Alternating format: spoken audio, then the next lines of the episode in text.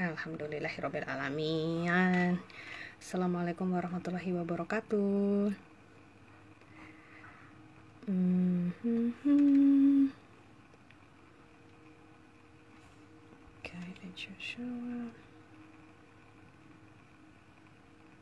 Mm-hmm.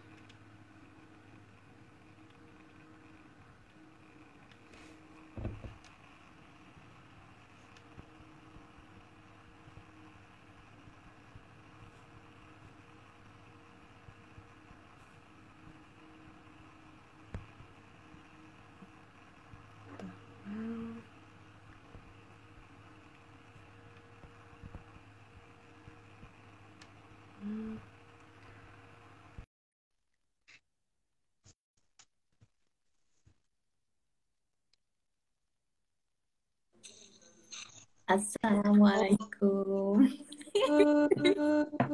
Kangen nggak Mbak? Kangen nggak? Kangen nggak? Kangen nggak? Sini dong. Seminggu off iya sih aku aku pengen banget Mbak. Cuman hmm. ya nggak tahu lah gitu situasi kondisi nih. Aku sebenarnya tadinya minggu ini rencana. Cuman minggu depan itu aku udah ada tamu ya. Oh. Tamu itu bukan dirimu aku tiba-tiba punya ide sih tapi nggak tahu bakal di ACC atau enggak. Iya lah mbak. Main lah mbak. Maksudnya oh, ya aku sih ya. Nggak uh, apa-apa lah. Liburan. Ya maksudnya kan sekarang emang liburan kan? Enggak kan ya karena kita nggak jadi kan uh, cuti kan maksudnya nggak bisa di storno semua kan. Jadi si hmm. bapaknya kan tetap cuti Hmm, tapi dikurangin gitu minggunya. Nah, maksud aku uh, mumpung dia cuti aku kabur. Bisa nitip anak. iya, nggak tahu sih. Gak ada sih siapa enggak. Iya. so, tapi kita Coba juga mau pergi jalan-jalan sih tapi. Iya, soalnya orang-orang kan udah mulai uh, apa sih namanya urlaub kan sekarang. Terus kan pada ya. yang ke mana gitu urlaub yang ya kan bingung juga gitu sekarang kan masih pada sih lebih prefer inner half Deutschland aja sih kalau mau ya. urlaub kan karena kan nggak tahu kalau keluar kita maksudnya nggak ngerti juga kan kondisi di sana gimana. Terus habis itu harus ini nggak sih karantina nggak sih kalau ya, eh, doh doh iya. Tetap juga pokoknya uh, dari Ausland Ausland is egal. Oh, Kalau dari aku yang baca itu maksudnya negara ketiga di luar EU dan selain Swiss. Jerman kayaknya sih. Aku nggak tahu sih Auslandnya mana. Oh. Uh, Mbak, kamu gitu. nggak yang tadi? Iya tadi kayak ngebulet gitu. Oh, oh iya. Ya jadi dia tuh bilang Auslandnya tuh nggak disebutin. Pokoknya dari Ruker Aus Ausland. Jadi egal ke Ausland. Das Ya, kalau kantornya boleh kebijakan work work from home sih nggak apa-apa sih, tapi kalau oh ada Dian, halo Dian, assalamualaikum. Halo Dian. Kalau apa namanya nggak bisa work from work from home kayak suamiku kan jadinya emang nggak bisa sih, maksudnya sulit kalau kita mau Ausland juga gitu. Iya, iya. Makanya udahlah ke sini aja lah main.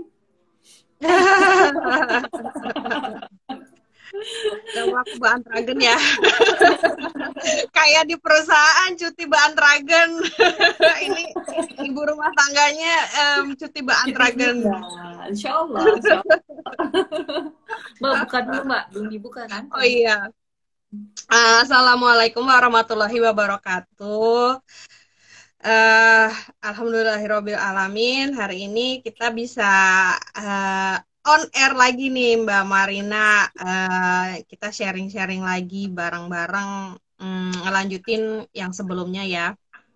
Uh, untuk yang cerita-cerita sebelumnya, alhamdulillah sudah uh, apa baik yang IGTV maupun untuk versi audionya udah ada semuanya gitu. Jadi kalau misalnya kayak missing link uh, mungkin bisa apa ya bisa klik-klik lah dari yang cerita-cerita sebelumnya karena kita bikinnya ini emang kayak sebuah cerita dari awal sampai akhir sehingga tujuan utamanya sebenarnya simpel sih supaya hari-hari kita itu uh, di dunia ini bisa berjalan dengan produktif, terus kitanya juga bahagia dan nggak cuma di dunia aja, tapi juga bisa mengumpulkan bekal-bekal di akhirat nanti.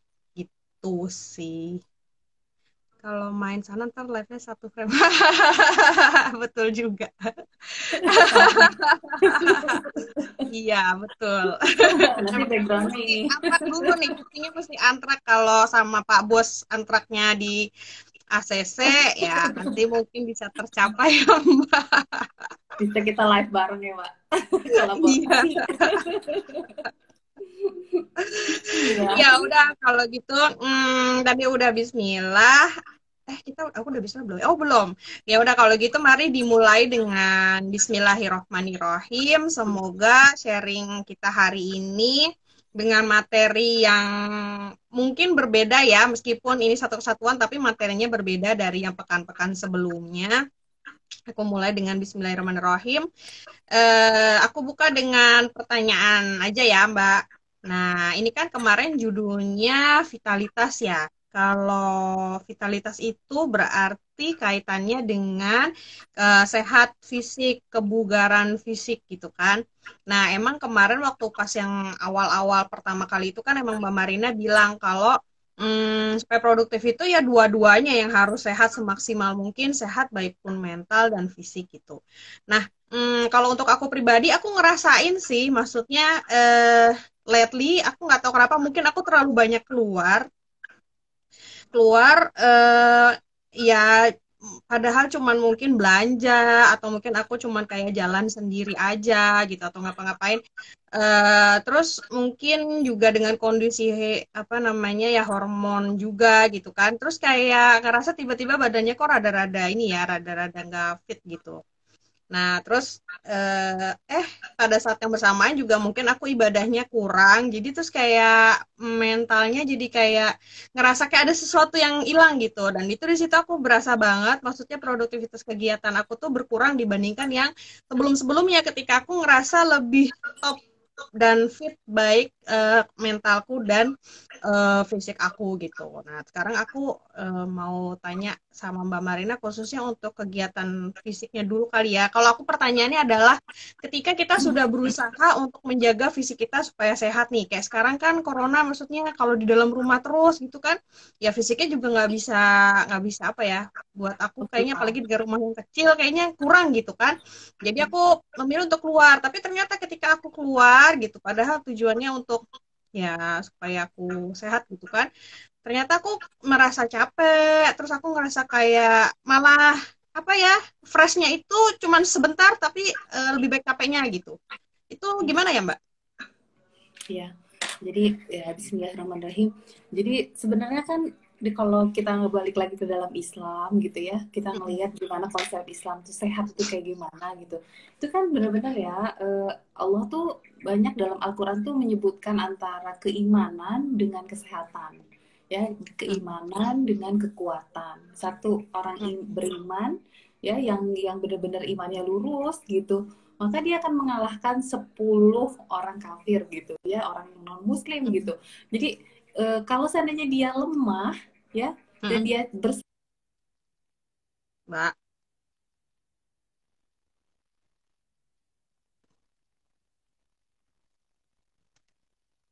Mbak halo oke okay. biasa okay. internet aku oh oke okay. lanjut ya lanjut lanjut lanjut jadi uh, apa sih namanya jadi kalau seandainya kamu bersabar maka uh, uh, kamu akan bisa mengalahkan dua orang non muslim gitu. Jadi bayangin keimanan dan kekuatan dengan kesehatan itu uh, bukan bahkan bukan cuman kesehatan ya mbak tapi kekuatan gitu loh. Makanya jadi hmm. kalau aku melihat antara keimanan dan kekuatan ini akan bener-bener apa ya akan bener-bener saling uh, apa ya sinkronis gitu loh. Harusnya. Hmm ya harusnya gitu kan terus sekarang kan sekarang jadi masalahnya tuh how gitu kan how uh, bagaimana kita melihat menilai atau bagaimana dengan keimanan itu kemudian jadi transfer buat kita tuh ditransfer jadi sebuah kekuatan dari sebuah kesehatan yang secara fisik ya yang bisa diukur gitu. Nah di sini kan yang yang yang jadi pertanyaan gitu karena kita beriman udah lama gitu ya dari lahir misalnya. Tapi hmm. uh, terus apa yang kita uh, apa sih namanya hasilkan dengan kekuatan kita gitu? Karena uh, apalagi kalau kita melihat yang namanya vitalitas gitu ya mbak itu banyak banget orang itu nggak sakit apa-apa tapi nggak bisa ngerjain apa-apa juga gitu kan. Dikit-dikit terbahan gitu-gitu capek ya kan? Terus ngerjain apa? Capek. Terus dalam satu hari baru ngerjain apa? Capek gitu. Itu tuh banyak banget gitu. Kalau kita melihat para ulama aja misalnya itu mereka ya. Aku sampai sekarang aja sampai yang jadi challenge gitu buat aku. Gimana caranya duduk sekali duduk nih lima juz gitu baca Quran. Aku, aku beneran deh mbak? Gitu. Maksudnya itu kalau orang nggak kuat itu tuh itu tuh hampir nggak mungkin gitu. Coba bagaimana mbak bisa maintain duduk terus nggak pindah-pindah menyelesaikan sekian juz Al-Quran gitu. Coba bisa dibayangin nggak gitu. Jadi mereka tuh punya kekuatan yang top performance gitu. Jadi kalau dia harus hmm. diem, dia bisa gitu ngerjain satu tas yang sedemikian panjang dan selesai gitu ya jadi hmm. di sini kan uh, apa sih endurance gitu ya uh, gimana orang itu bener ya endurance ya ya maksudnya gimana dia ketahanan dia dalam mengerjakan satu uh, apa sih namanya satu tas itu gitu makanya itu kalau aku selalu meyakini bahwa keimanan sama kekuatan itu harus bergandengan tangan. Gitu ya. Hmm. nah sekarang kan kita kemarin udah ngomongin masalah mental gitu kan ya. Oh ternyata keimanan itu harusnya menghasilkan mental yang kuat ya dengan segala ceritanya kemarin gitu kan ya. Keimanan menghasilkan mental yang kuat. Nah sekarang gitu keimanan itu juga harus menghasilkan kekuatan. Nah sekarang ini yang jadi uh, pikiran how kalau aku bentar, bentar, bentar, sebentar, aku bingung eh, gimana tadi Mbak diulangin? Jadi bagaimana keimanan bisa menghasilkan kekuatan? Terus mm-hmm. yeah. lagi kekuatan itu emang kekuatan berdiri sendiri gitu atau gimana sih? Aku Maksudnya berarti kan itu kekuatan itu kalau menurut aku kekuatan itu udah mer als mer als tuh more than kesehatan gitu loh. Ngerti nggak Mbak? Soalnya orang hmm. itu eh, kalau cuman sehat gitu ya, belum tentu kan dia kuat gitu.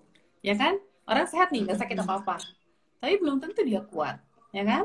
Belum tentu dia ngerjain sesuatu yang bebannya berat itu dia syafan dia selesai gitu kan? Bisa gitu. Belum. Belum tentu. Banyak orang itu bahkan sehat tapi nggak fit gitu loh pak jadi, jadi kita ngomonginnya sehatnya dalam uh, dalam maksud sehat fisik gitu kan ya. Jadi maksudnya iya, dia lagi tidak ada penyakit infeksi, nggak ada sakit iya. kanker, nggak ada gitu-gitu iya. kan maksudnya. Iya. Oke. Okay. Makanya hmm. jadi jadi sebenarnya kalau seandainya kita maksudnya gini, dia pokoknya tidak kayak kita normal lah hidup sekarang. Kan Mbak juga sekarang sehat kan? Hmm. Ya kan? Tidak dinyatakan apa-apa. Tapi Mbak belum tentu fit. Ya. Yeah. More than hmm. that, Mbak belum tentu kuat. Jadi ini kan ada tingkatan-tingkatan ya. dan sedangkan kalau Al-Quran membahas bahwa keimanan itu menimbulkan kekuatan. Jadi masya Allah udah sampai yang ting gitu paling paling tinggi gitu, ya. Uh, jadi bukan cuma kesehatan. Nah aku kan juga uh, ngefans juga tuh sama Ustadz Zaidul Akbar walaupun aku nggak mengikuti semua lah. Aku pilih-pilih, aku aku pelajari juga gitu kan gimana cara hidup. Karena beberapa hal aku udah dari dulu tuh ngikutin gimana sih Rasulullah makan, gimana Rasulullah uh, tidur, gimana Rasulullah membagi apa sih namanya lambung gitu kan gimana sih gitu ya pokoknya secara ini. Jadi ketika kita uh, ketika kita mengikuti itu sebenarnya uh, maka yang dimunculkan itu kan sebenarnya kita sehat mbak gitu. Nah setelah sehat itu baru kita mikirin udah kita sehat nih vital nggak kita? Uh, misalnya punya punya punya kekuatan vitalitas itu nggak gitu. Nah kalau udah punya vitalitas itu punya kekuatan nggak gitu. Makanya jadi sebenarnya uh, kalau aku akhirnya sekarang dengan kaitannya dengan produktivitas, aku memasukkan kesehatan ini sebagai satu muhasabah juga buat aku bergandengan dengan mentalitas. Kan kita kan waktu itu kan membicarain masalah uh, uh, muhasabah tiap hari dengan tahajud atau setiap sholat. Nah, aku memasukkan tema ini juga jadi bukan cuman mental aja yang aku uh, apa sih namanya? yang aku proof gitu, yang aku cek gitu. Hmm. Tapi aku juga cek kesehatan. Jadi kalau bisa kita jangan sampai gini, kita sakit sesuatu mbak, kita nggak sadar, terus tiba-tiba ya nauzubillah mendalik ya, tiba-tiba ada dokter bilang kita kena apa gitu. Kalau menurut aku badan itu pasti memberikan sinyal Iya, iya. Ya, itu secara teori loh, secara natur gitu. Badan tuh akan ngasih sinyal gitu. Tapi kok bisa kita iya. nggak bisa nangkep sinyal itu gitu. Itu yang jadi masalah kan kita tuh nggak nangkep sinyal itu.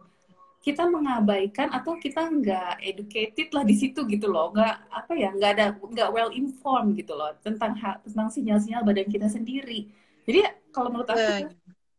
Hmm, Jadi betul. termasuk salah satu yang harus dimuhasabahi bukan hanya masalah mental kita ya kita lagi sedih ya semangat yang kemarin lah kita bahas sampai lima sesi itu gitu ya.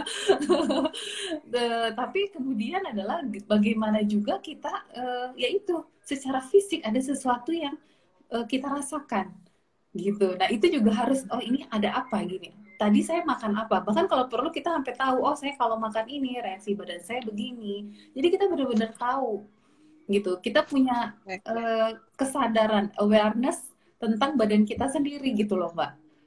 Dan itu itu yang menurut aku eh, nggak uh, ada gitu. Sekarang tuh orang-orang tuh nggak punya awareness itu terus dia uh, lanjut lanjut lanjut lanjut sakit. Abaikan diabaikan diabaikan. Ya terus sampai akhirnya tiba-tiba jeger aja. Apa itu?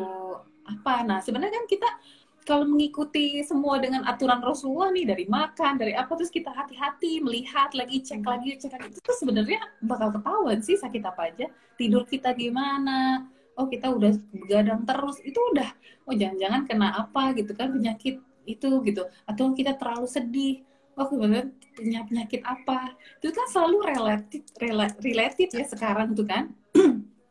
sebagai dokter mungkin Anda lebih memahami, lebih mengerti daripada saya gitu ya. Tapi memang begitu gitu. Jadi menurut aku eh, harusnya keimanan itu menghasilkan kekuatan ya bukan cuma kesehatan, bukan cuma vitalitas, tapi sampai kekuatan, berdaya secara fisik gitu. Maka dari itu ya makanya kalau kita ngelihatnya perempuan-perempuan yang muslim itu anaknya banyak mbak. Dan gak stres gitu. Secara fisik itu luar biasa. Kekuatannya dengan punya anak ya emang punya anak banyak nggak capek apa gitu kan? Lahirin lahirin lahirin.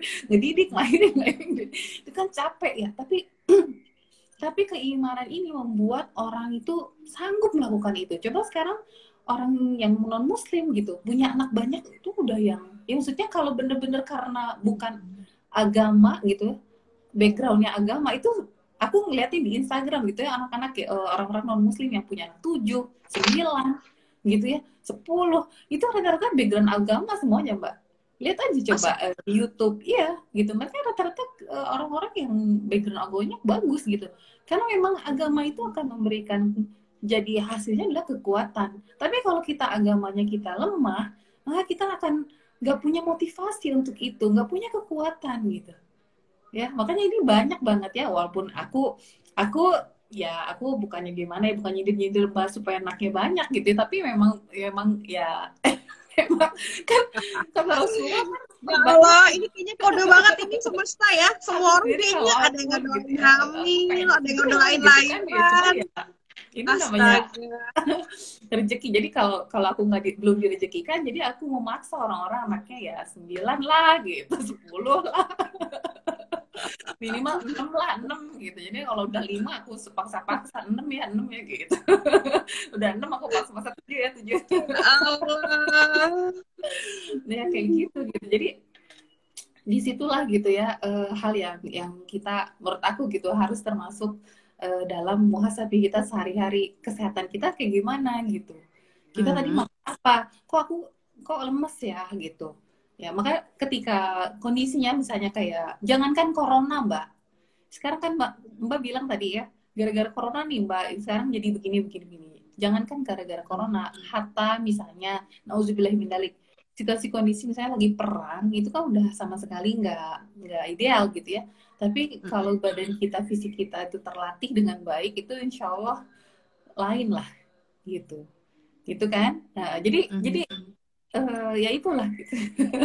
hasil aku aja dulu ya aku termasuk yang lahir sebagai orang sebagai anak eh, nggak uh, sehat mbak aku kan waktu kecil tuh udah diponis difteri hmm. jadi secara paru-paru aku emang udah dari kecil ya so and so lah gitu ya. Uh, uh, jadi aku kena bronkitis lah kena asma lah segala macem lah gitu. Aku pernah TBC gitu ya.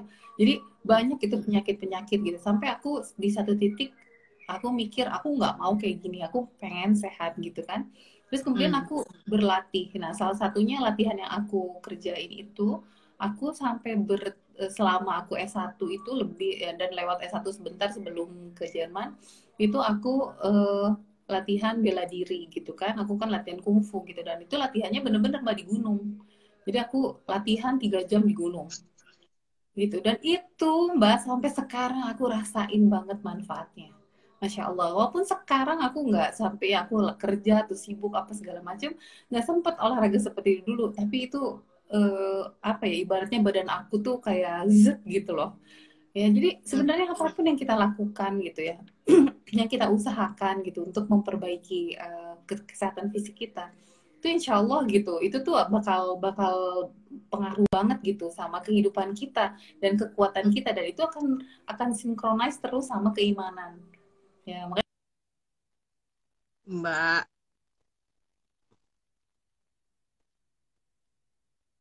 internetmu Mbak.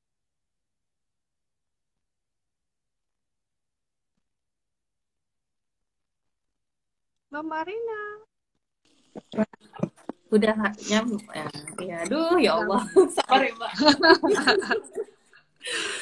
ya gitu ya. Jadi uh, apa sih namanya tadi memang ya oh ya kalau seandainya kita sehat itu akan sinkronis dengan keimanan kita gitu makanya kita hmm. semakin beriman kepada Allah kita akan semakin hati-hati juga kita makan apa ya kan yang halal yang toyib ya kan Uh, yang toyib itu hmm. definisinya banyak banget. Kalau halal kita udah jelas, tapi toyib kalau menurut aku, hmm. kalau pendapat aku, toyib itu sesuatu yang cocok-cocokan karena belum tentu yang toyib buat aku toyib buat mbak ya kan? Misalnya mbak misalnya kalau makan sesuatu nggak ada alergi nggak masalah. Mungkin aku kalau makan itu nggak toyib karena itu menjadi alergi buat aku gitu ya bisanya gitu kan.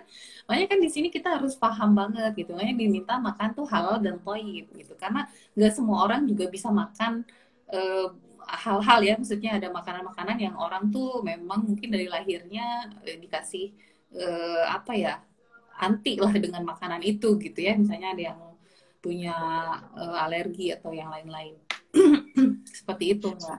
Buat alergi ini menarik sih mbak. Aku fenomena hmm. yang aku liatin di ibu-ibu yang di sini ya, maksudnya ibu-ibu Indonesia yang di sini. Nggak tahu kalau yang di kota-kota yang lain. Kita waktu datang itu seger buger gitu ya. Termas even ada riwayat alergi ataupun ada tidak alergi gitu. Tapi setelah ya. beberapa waktu itu alerginya muncul. Termasuk aku sendiri soalnya. Jadi ya kalau aku sendiri emang bakat alerginya memang ada gitu. Tapi setelah aku selesai kuliah itu karena aku pindah kan, pindah kota lagi, itu hilang gitu kan. Hmm. Nah, terus aku berharap di sini itu nggak keluar nih alerginya tiga tahun pertama aman. Tiga tahun apa lima tahun pertama kayaknya aman deh. Nah tapi setelah itu itu muncul. Dan ternyata beberapa ibu-ibu yang lain pun itu juga mengalami hal yang sama. Itu buat aku fenomena yang menarik sih. Kenapa ya ibu-ibu? Sedangkan bapak-bapaknya enggak ya pertama ya mbak aku aku juga kan punya punya asma ya jadi asma aku di Indo juga mungkin sebenarnya sama aja sama di sini gitu. Cuman mungkin kalau di sini karena dengan winter itu kan jadi lebih lebih parah lagi gitu kan. Terus aku tanya sama dokter gitu ya. Kenapa ya gitu ya? Kalau aku tuh di Indonesia asmanya nggak kayak gini gitu. Tapi waktu itu dokter di Indonesia sih gitu ya. Karena kalau dokter di sini aku waktu itu belum bisa ngomong Jerman terlalu bagus. Jadi cuman iya iya aja gitu ya nggak bisa ngobrol nggak bisa jelasin gitu. Terus hmm. akhirnya kata beliau, jadi eh, negara itu kan kalau negara panas dengan yang empat musim, dua musim sama empat musim.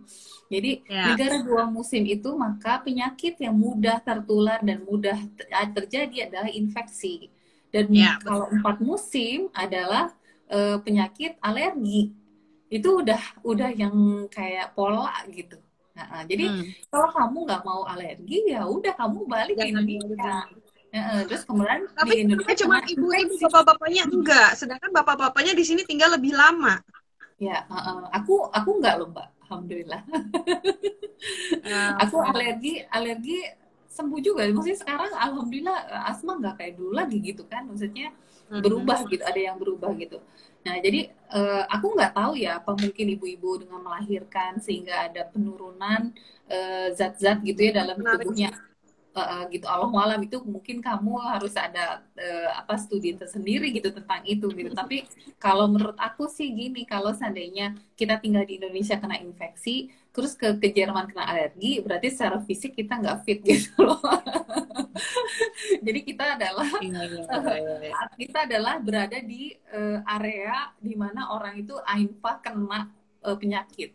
Ya kan? Kita tuh di posisi nggak fit dan kita tinggal di mana pun jadi sakit di Indonesia kita sakit tapi beda bukan alergi infeksi, infeksi. gitu kan infeksi macam-macam lah gitu kan tahu sendiri bahwa infeksi itu apa aja gitu kan atau enggak hmm. kemudian ketika pindah sini kena juga penyakit jadi sebenarnya jadi badan kita nggak fit mbak gitu kalau aku sih mikirnya begitu karena penyakit okay. badan itu kalau memang sudah sehat dan kemudian fit Nah, masalahnya ini sehat. Yang sehat itu dalam artian kelihatannya sehat gitu ya. Maksudnya orang melihatnya nggak ya. Tapi nggak fit mbak. Sedikit-sedikit tidur, sedikit capek, sedikit-sedikit ya itu makan ini salah, makan itu salah. Yang tadinya enggak gitu. Itu itu sebenarnya berarti ada yang salah gitu. Ada yang dalam kita makan dalam apa ada yang sesuatu yang salah. Makanya kalau aku lebih senang kalau memang mau koreksi baliklah kepada Rasulullah gimana Rasulullah makan gitu.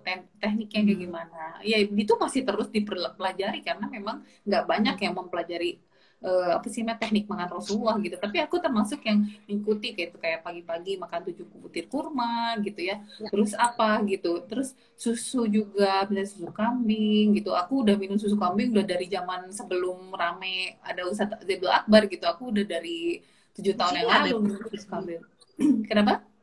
Di sini emang ada susu kambing? Ada mbak, susu kambing. Susu kambing itu ada di, di Rewe ada, kalau di toko Turki oh, ya? ada, di Rewe ada, di Kaufland nah. ada, mm -mm, di di namanya uh, namanya nanti deh aku fotoin ya. Jadi aku minum susu kambing udah dari emak banget, belum makan madu gitu ya.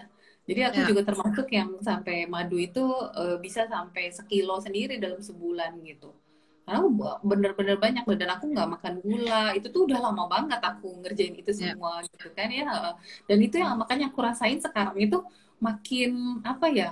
makin sehat gitu sekarang aku walaupun aku pasti ada momen-momen uh, kondisi di mana kita tuh uh, kayak asma gitu ya ya so iso itu kan udah memang badan badannya kita begitu gitu kita terima aja gitu. Cuman jadi lebih kecil lebih sedikit gitu. Jadi kalau asma paling tidur sejam udah lewat gitu. Bahkan masih bisa kerja gitu. Kalau udah kerja tuh kalau asma aku langsung minum kopi duduk apa mundur gitu duduk sebentar ke belakang. Jadi pekerjanya lebih pelan. Karena udah tahu kan nih oh ini lagi asma lagi lagi kambuh gitu. Apalagi misalnya kerjanya dalam posisi uh, apa sih kantor aku di Keller gitu kan posisinya. Jadi kan lebih dingin gitu.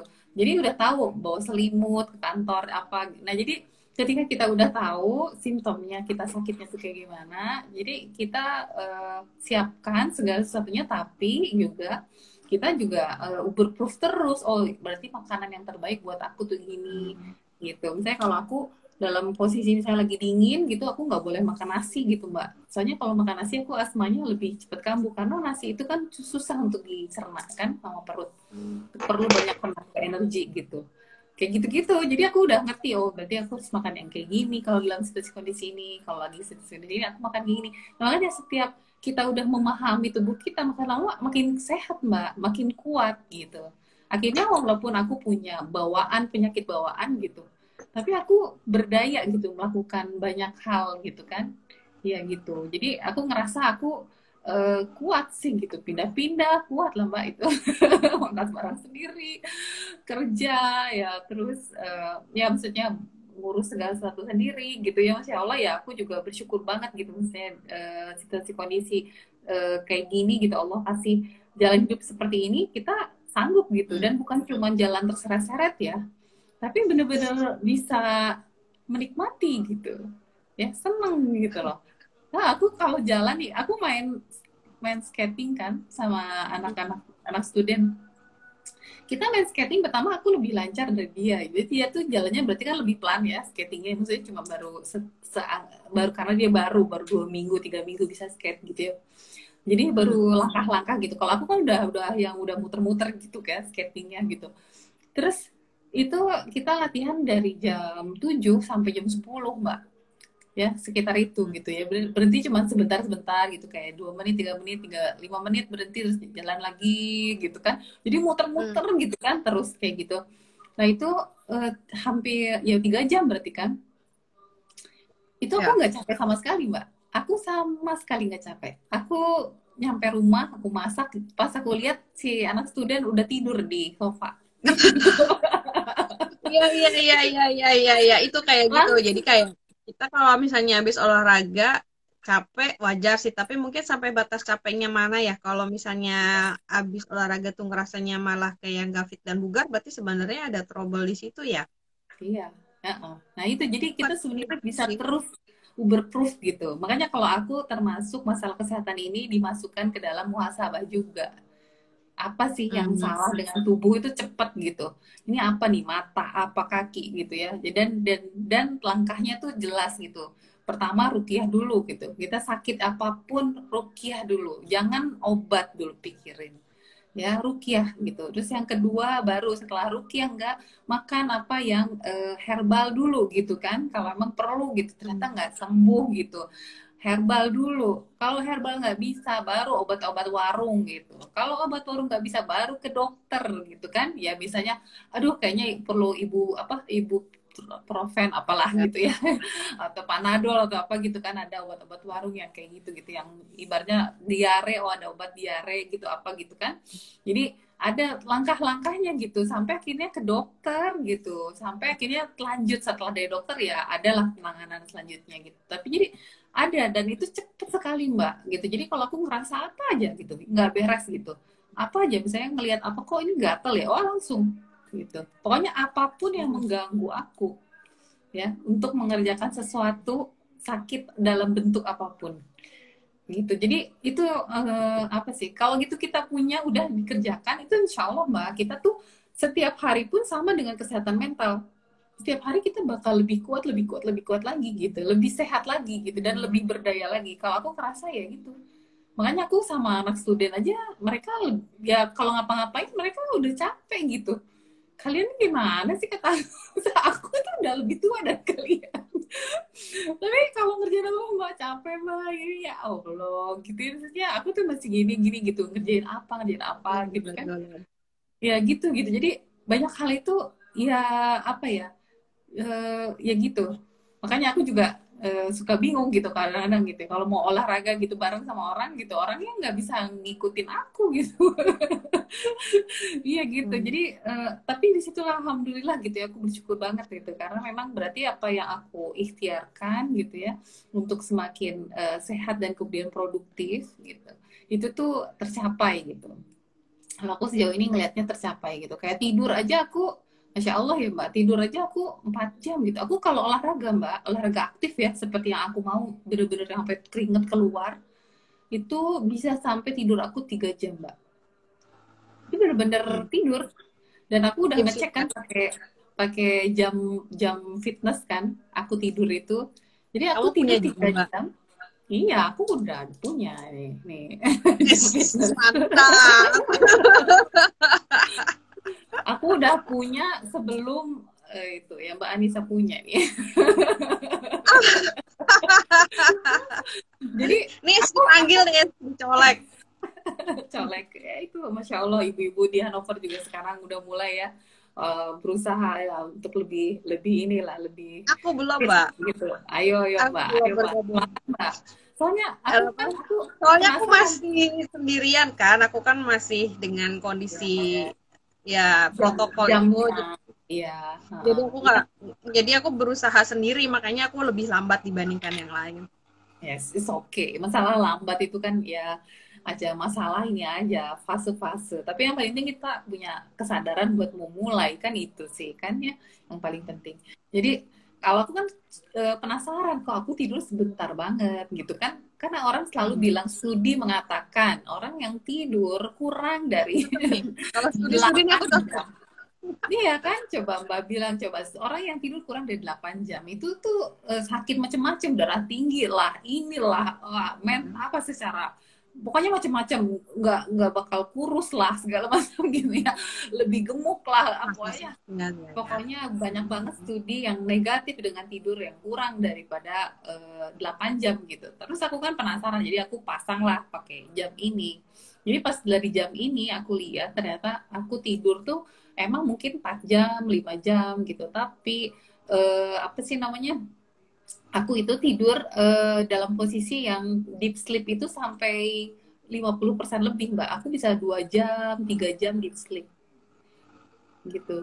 Jadi itu tuh kalau menurut aku itu kan repair kan. Deep sleep kan ketika kita repair ya badan kita, repair banyak hal gitu jadi kita masih aku ngerasa kayak masih tumbuh gitu loh karena di sleepnya kan panjang ya jadi emang bener-bener ya masih tumbuh ya, gitu betul. Nah uh, jadi apa yang sakit itu cepat diperbaiki sama badan.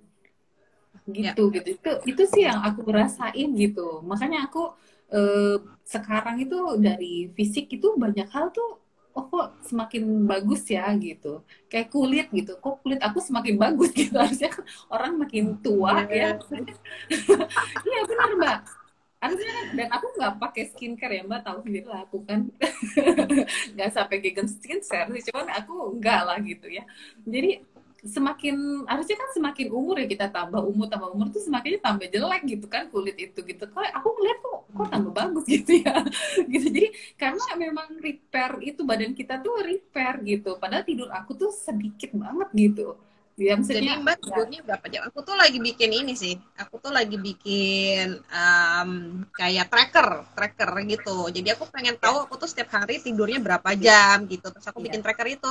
Nah terus karena Mbak Marina tadi ngebahas tentang deep sleep itu, aku jadi tertarik sebenarnya aku ada alasan untuk beli jam itu sih sebenarnya jadi jadi aku punya alasan iya. kuat untuk antrak lagi ya sekali lagi untuk antrak supaya aku bisa di ACC beli jam banyak ya bu antraknya ya antraknya banyak iya terus ya. ya tapi jadi menarik ya aku maksudnya ya. kalau hmm, aku kan data banget nih ceritanya jadi kalau misalnya kayak gitu aku punya data buat kayak ini aku tuh kayak bikin tracker kayak kayak gini tuh mbak. Oh, oh. mantap mantap aku ya. bikin tracker kayak gitu kan? Bener-bener nah terus tapi biasanya enak kalau aku bisa kenapa?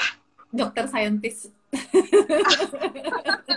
Ditunggu PhD soalnya asik banget jadi aku bisain termasuk aku uh, ya gara-gara bahas ini kan gitu. Karena hmm. kita ngebahas aku ngebahas sama Mbak Marina. Ini aku tuh jadi kayak tergerak untuk ini. Ini baru beneran baru bulan ini aku mulai untuk aku men-tracker macam-macam gitu Mm-hmm. Nah, terus termasuk di antaranya yang tidur itu. Nah, jadinya aku punya kan tahu, oh aku tuh maksudnya grafiknya tuh tidurnya berapa jam sih gitu. Jadi aku nanti tuh Indian akhir bulan ini aku bisa tahu kira-kira tuh aku menghabiskan tidur itu uh, berapa jam gitu. Nah, ya kan? Nah kalau misalnya aku punya jam ini ceritanya ini alasan banget sebenarnya gue. Hmm. kan jadi aku bisa nge-tracker lagi ya maksudnya bukan nge-tracker jadi aku bisa tahu oh misalnya aku tidurnya tuh 8 jam 6 jam tapi ternyata aku di sleepnya segini gitu. Jadi sebenarnya aku bisa mengetahui oke okay, berarti sebenarnya mm, rata-rata tuh ya meskipun aku tidurnya lama tapi nggak apa tuh namanya?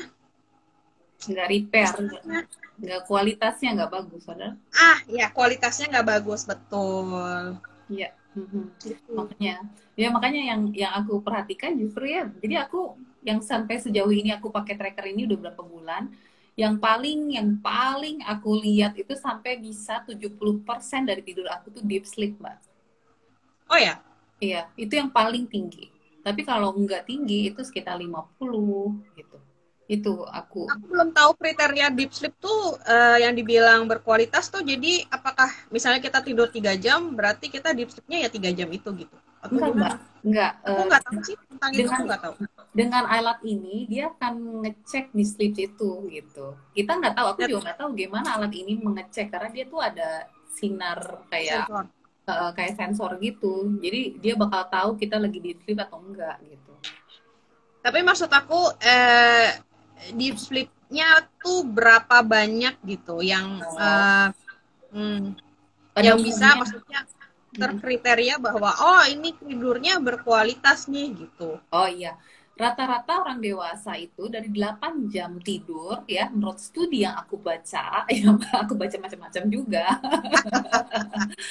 itu adalah sekitar 20 20 persennya jadi sekitar ah, sejam, sejam jadi persentase ya bukan pakai genau berapa jamnya doh, gitu. Ya doh, doh, satu sekitar sejaman. Sejam sejam setengah gitu. Jadi okay. sekitar 20 persen ya. Yaitu kalau studi ya. Nah, kalau baby itu setahu aku lebih lagi gitu. Jadi eh, makanya ini deep sleep ini kan yang jangan sampai kita nggak punya deep sleep gitu ya. Maksudnya kita tidur tapi nggak nggak sampai dengan kualitas deep sleep karena deep sleep itulah di mana badan kita repair gitu kan. Nah, uh, sedangkan sleep yang lain, sleep yang REM itu yang apa sih matanya cepet banget gerak itu kan, uh, itu yeah. adalah uh, di mana kita punya uh, solusi macam-macam. Nah, sebenarnya kalau dalam Islam kalau aku ngelihat oh jadi kalau tidurnya sedikit ya, misalnya cuma 4 jam gitu ya. Dengan deep sleep yang banyak, kita tuh dalam kondisi sholat, kita tuh kayak rem gitu. Uh, yeah. gelombang otak ya, gelombang otak. Ya. Yeah, yeah, yeah. Jadi tuh kayak kayak aku sampai gitu. Berarti matanya tuh gerak-gerak ya, Kak. Aku lupa ilmunya itu. Aku waktu itu yeah, waktu aku kuliah aku tuh nggak ngerti sebenarnya. Iya, gerak-gerak, Mbak. Uh -uh. Kan, ya kan? Kan uh, apa R-nya aku lupa tapi E-nya tuh kan eyes rapid movement gitu. Rapid eyes movement gitu. dia emang gerak jadi matanya gerak gitu pokoknya dia seperti state alpha beta itu kan si otak itu. Makanya kan kalau seandainya aku sholat makanya aku yang pernah aku bahas kemarin. Pas aku sholat ternyata jam ini jam tracker ini mengategorikan aku tuh lagi itu rem itu gitu. Kan lucu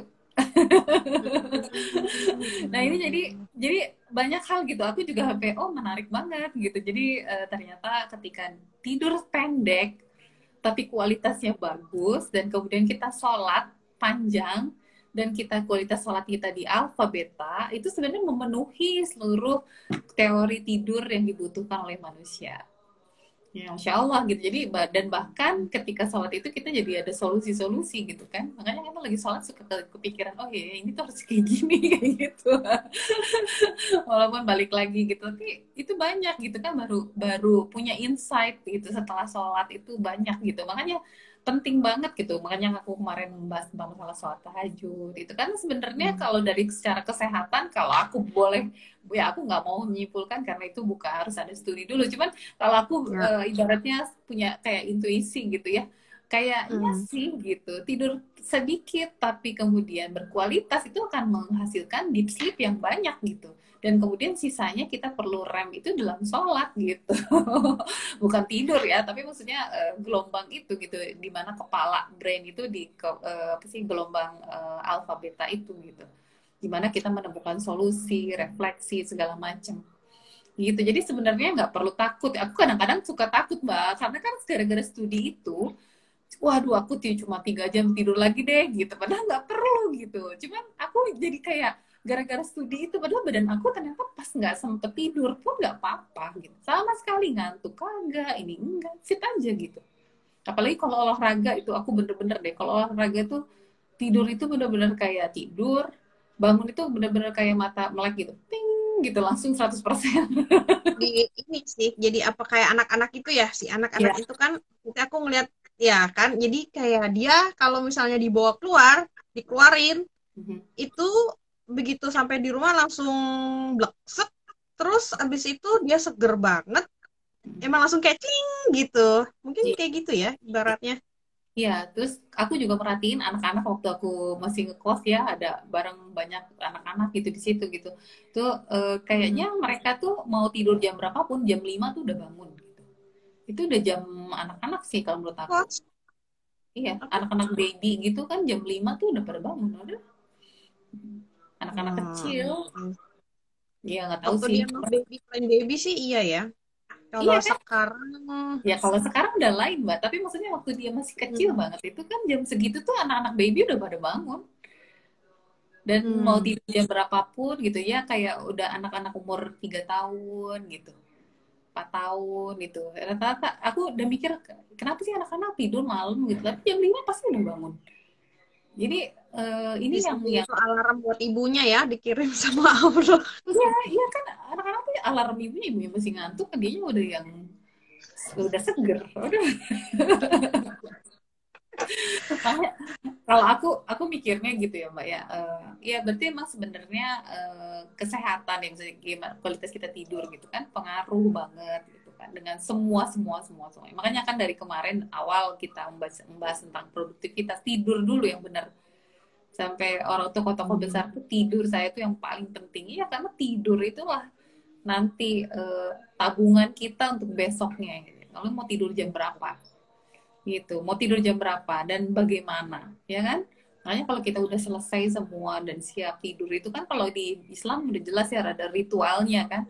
Sholat dulu apa sih uh, fitir gitu kan terus wudhu terus rukiah dulu kan baca baca doa tidur terus rukiah yang eh, tiga tiga tiga itu dari surat uh, apa sih namanya uh, surat uh, ayat ayat kursi kemudian tiga terakhir tiga kali terus ditiupkan ke badan ke baju hmm. ke apa ke tempat tidur. Kan kayak gitu udah ada ritualnya tidur itu kan supaya bener-bener kualitasnya bagus gitu. Dan bangun itu udah bener-bener yang kayak melek gitu gitu. Ya. jadi itu di situ gitu yang yang kita juga mesti uh, mesti pikirkan sekali gitu. Tapi kalau insya Allah kalau kita udah dari tidurnya benar terus kita juga mengevaluasi bukan hanya secara mental tapi kita makan apa gimana tubuh kita seperti apa itu insya Allah kita tuh nggak akan nggak akan tiba-tiba sakit apa gitu. Kalau aku ya husnuzon gitu. Allah tuh ngasih badan kita itu sistem yang luar biasa. Ya nanti hmm. nanti dia bakal melden gitu apa dalam bentuk iya pusing iya sebenarnya? Itu iya. Ya, dalam bentuk pusing Makanya dalam... ada amnesia ya kan? Aku aku pagi-pagi selalu mbak aku pipi selalu lihat warnanya. Oke okay, ya. warna apa? Oke okay. berarti makanan kemarin oke. Okay. kalau terlalu warna ini oh berarti makanan kemarin nggak oke. Okay. gitu jadi kita cek terus cek terus gitu. Dan kemudian kalau itu oke okay, berarti kita juga harus punya bisa ngerjain ini ini ini gitu. Nah itu jadi uh, insya Allah ya kalau seandainya kita benar-benar gitu memasukkan ke dalam muhasabah kita gitu kesehatan ini gitu maka dan setiap hari itu akan akan ada improvement dari segi kesehatan gitu insya Allah uh, produktivitas juga akan menambah dan ini ini semua seperti yang aku bilang berlaku juga sama orang-orang yang memang udah dikasih disability gitu sama Allah. Kayak aku misalnya misalnya gitu kan udah dikasih tuh paru-parunya udah begitu mau apa lagi gitu. Tapi aku nggak first hmm. slimmer gitu loh mbak. Ngerti nggak? Orang ada yang dikasih uh, penyakit misalnya tiba-tiba nauzubillah minalik lumpuh misalnya. Tapi kalau dia secara mentally sehat itu dia nggak first slimmer mbak. Dia kan hidup fullest to the fullest gitu loh. Aku tuh waktu itu ada tuh yang kayak gitu ya, terus dia tetap produktif meskipun um, ada di atas tempat tidur. Siapa ya artis waktu itu aku lupa ada kayak gitu. Iya, kayak gitu gitu kan. Jadi dia tahu badannya seperti apa, dia tahu ujian Allah kan yang eh, yang Allah kasih kayak gimana, terus bagaimana dia harus uh, bertindak dengan itu. Tapi bukan berarti dia tuh nggak bisa ngerjain apa-apa gitu. Bukan berarti dia nggak punya amal soleh gitu. Ini kan ini orang-orang seperti ini, oke okay, oke, okay. secara kesehatan mungkin Allah kasih ujian, tapi secara mentally dia syafen mbak, dia lulus gitu. Makanya aku eh, bahasan kita kenapa kemarin tuh lima gitu ya tentang mental itu gitu. Karena sebenarnya kalau udah mental kita ya secara keimanan itu tidak menghasilkan mental yang kuat mbak. Allah ngasih apa aja badan kita sehat, yang terjadi apa hancur mbak kita sehat nih lama-lama sakit ini sakit itu karena kita punya penyakit hati ya penyakit hati apa misalnya dendam nauzubillah mendalik ya. Ada loh orang ya saking dendam dia sakit macam-macam sakit ya kan ada yang seperti itu gitu. Ada yang misalnya punya sakit suka marah gitu kan pemarah gitu itu sampai ya, segala macam jantung segala macam ya kan. Ya kan kalau aku lihat yang sekarang banyak gitu. Aku kalau ya mungkin dokter lebih tahu kayak misalnya orang yang sering sedih sedih gitu makanya penyakitnya paru gitu.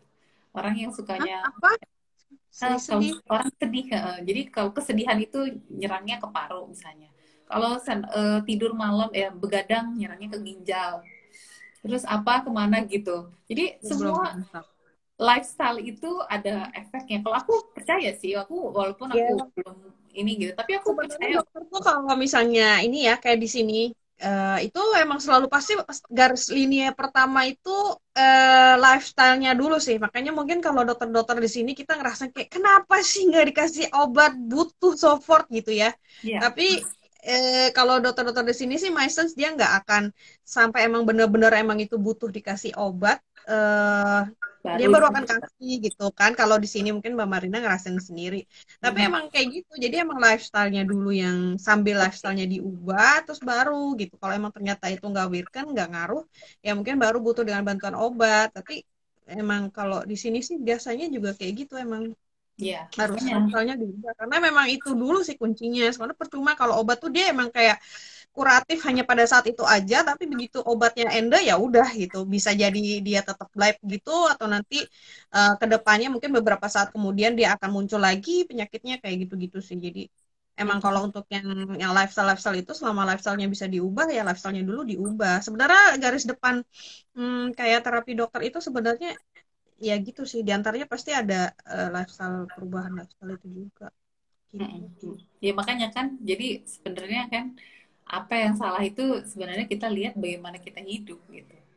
Makanya apalagi kalau dari me, kembali lagi ke hadis Rasulullah bahwa ada segumpal darah yang ada di sini ya dalam dada kemudian yeah. dia sehat sehat seluruh tubuh itu ya udah jelas gitu. Makanya penyakit hati itu akan membawa kita ke penyakit penyakit badan gitu.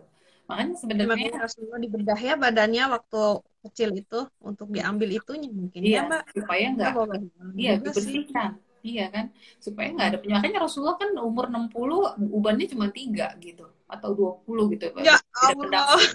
Sedangkan kita ya benar ya aku aja pas nyampe di Jerman umur udah segitu loh masih baru segitu udah langsung banyak kita sampai bingung juga nih apa karena air nyalah nyalahin air nyalahin apa terusnya mungkin badan kita emang nggak sekuat itu gitu kan.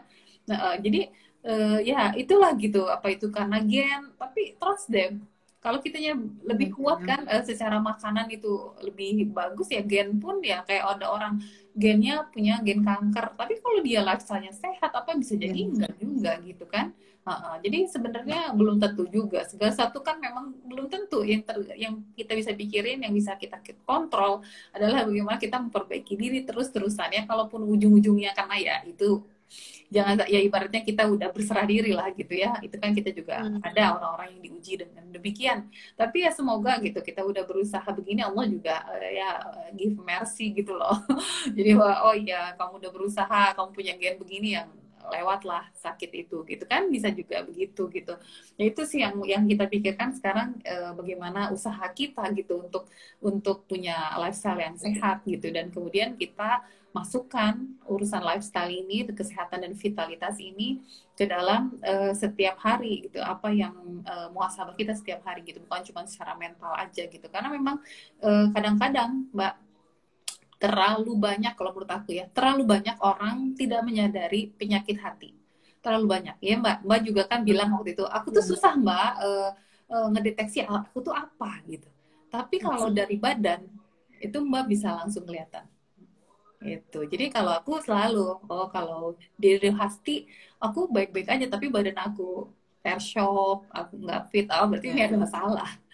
Iya iya. Gitu. uh makanya jadi kita bisa dua arah juga. Jadi bu, bu, bisa hati kita yang kita overproof bisa dari badan kita. Gitu. Jadi kalau udah badan kita ada sesuatu oh berarti ada sesuatu juga di hati. Gitu. Walaupun nggak hmm. kelihatan mbak karena memang kadang-kadang stres itu live karena kita hmm apa ya terbiasa menutupi cover ya kan? Itu ya jeleknya kita gitu. Ya makanya itu kan aku bilang dari awal tentang masalah sifat-sifat munafik sifat-sifat kafir itu kan ibaratnya eh, penyakit hati yang udah paling pol tuh di dua sumbu ini gitu. Apa pun namanya ujung-ujungnya di dua sumbu ini. Karena memang kita juga suka gitu. Kita marah nih ah enggak saya nggak marah gitu kan. Saya nggak apa-apa kok gitu. Tapi hati sebenarnya enggak tapi aku saking menipunya diri kita. Kita tuh yakin banget bahwa saya tuh nggak apa-apa gitu. Tapi badan kita berbicara eh bohong banget kamu. Aku bilang aku nggak stres tapi kemudian mens berantakannya kamu stres. Kamu bohong aja gitu. Kamu bohongi diri kamu sendiri. Itu saking ya itu gitu.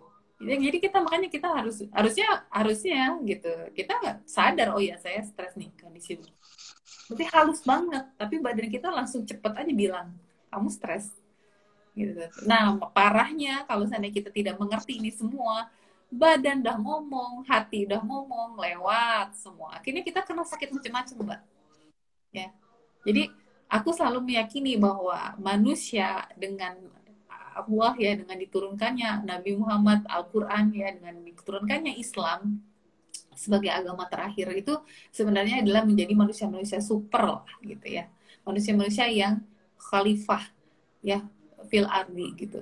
E, jadi pemimpin bagi alam semesta ya. Rahmatal lil rahmatan lil alamin. Jadi udah jelas itu kan itu clear clear banget. Berarti kita memimpin bangsa lain. Bangsa Yahudi bangsa ya Bani Israel macam-macam ya bangsa yang lain. Dan itu artinya apa? Kita harus punya keunggulan-unggulan. Mana ada bisa kita memimpin orang. Sekarang kita ingin pengen memimpin orang Jerman. Lu siapa?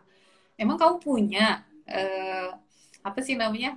Apa yang kamu punya gitu untuk memimpin kami gitu? Kalau nggak punya kelebihan ya mana bisa?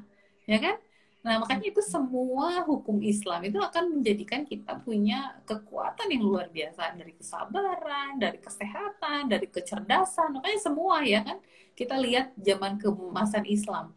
Gimana gitu?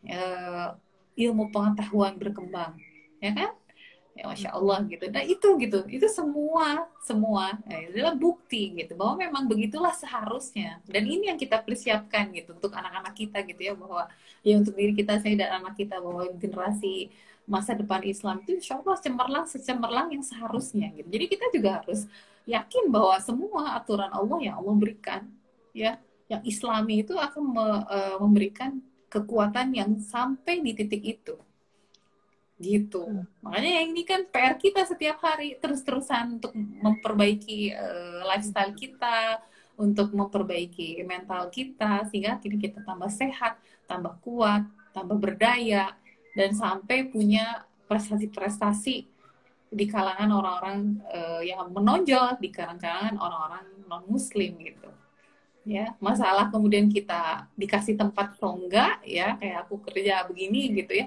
itu itu udah takdir Allah gitu. Tapi bukan berarti aku nggak punya kemampuan itu gitu loh mbak. Iya ya ya kan? Nah, nah di situ gitu. Jadi itu yang yang perlu ya dari kita sendiri sebenarnya udah udah selesai gitu kan. Kita udah punya sistemnya kita udah menjadi orang yang begini-begini sekarang udah tinggal nunggu takdir Allah aja terjadi gitu.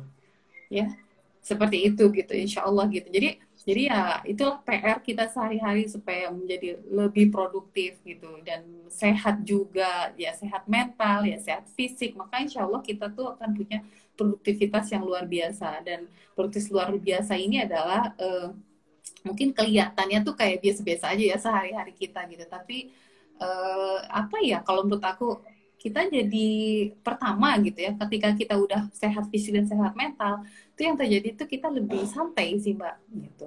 Pertama yes. lebih santai karena fisik kita mampu ya nggak nggak kecapean lebih santai. Dan yang kedua kita santai secara perasaan secara fisik tapi hasilnya maksimal. Itu sih yang aku Kenapa? juga bilang. Jadi ya Uti juga bilang. Jadi Rasulullah cuma 4-5 jam tidur bisa dikatakan deep sleep ya. Jadi ibadah di sepertiga malamnya langsung gampang bangunnya dan fresh. Iya, iya kayak gitu. Aku aja ter bangun, aku tidur gitu jam 11, jam 2 udah bangun, Mbak. Jam 2, jam 2.30 udah bangun. Biasa aja gitu. Aku tidur lagi gitu ya sejam atau dua jam. Pokoknya ingesan tuh paling 5 jam. Gitu. Uh -huh. Jadi itu yang yang apa ya dan aku bisa gitu ngerjain itu dan itu tidurnya hmm. enak-enak aja gitu aku sehat-sehat aja gitu ya seperti itu terus olah, olahraga apa segala macam nggak masalah gitu ya jadi hmm. itu apa sih namanya jadi kata dan kemudian kita bisa menghafal ya itu tambah lagi membaca Al-Quran dalam jumlah yang banyak itu ya sekarang aku yang lagi kejar hmm. aku beneran aku semua kesehatan ini sampai aku bisa duduk diem baca Al-Quran selesai. Nah itu masya Allah ya itu. Jadi benar-benar karena itu mental. Ya ah, jadi dilanjutin? Ya ada apa belum kelar soalnya. Nggak apa-apa AF AF ya, secara mental maupun secara kekuatan harusnya ya ibadah kita pun akan mendekati eh, Rasulullah dan para sahabatnya. Dan kemudian nanti hasilnya pun hasil sehari-hari kita pun akan seperti mereka. Gitu insya Allah gitu ya. Kita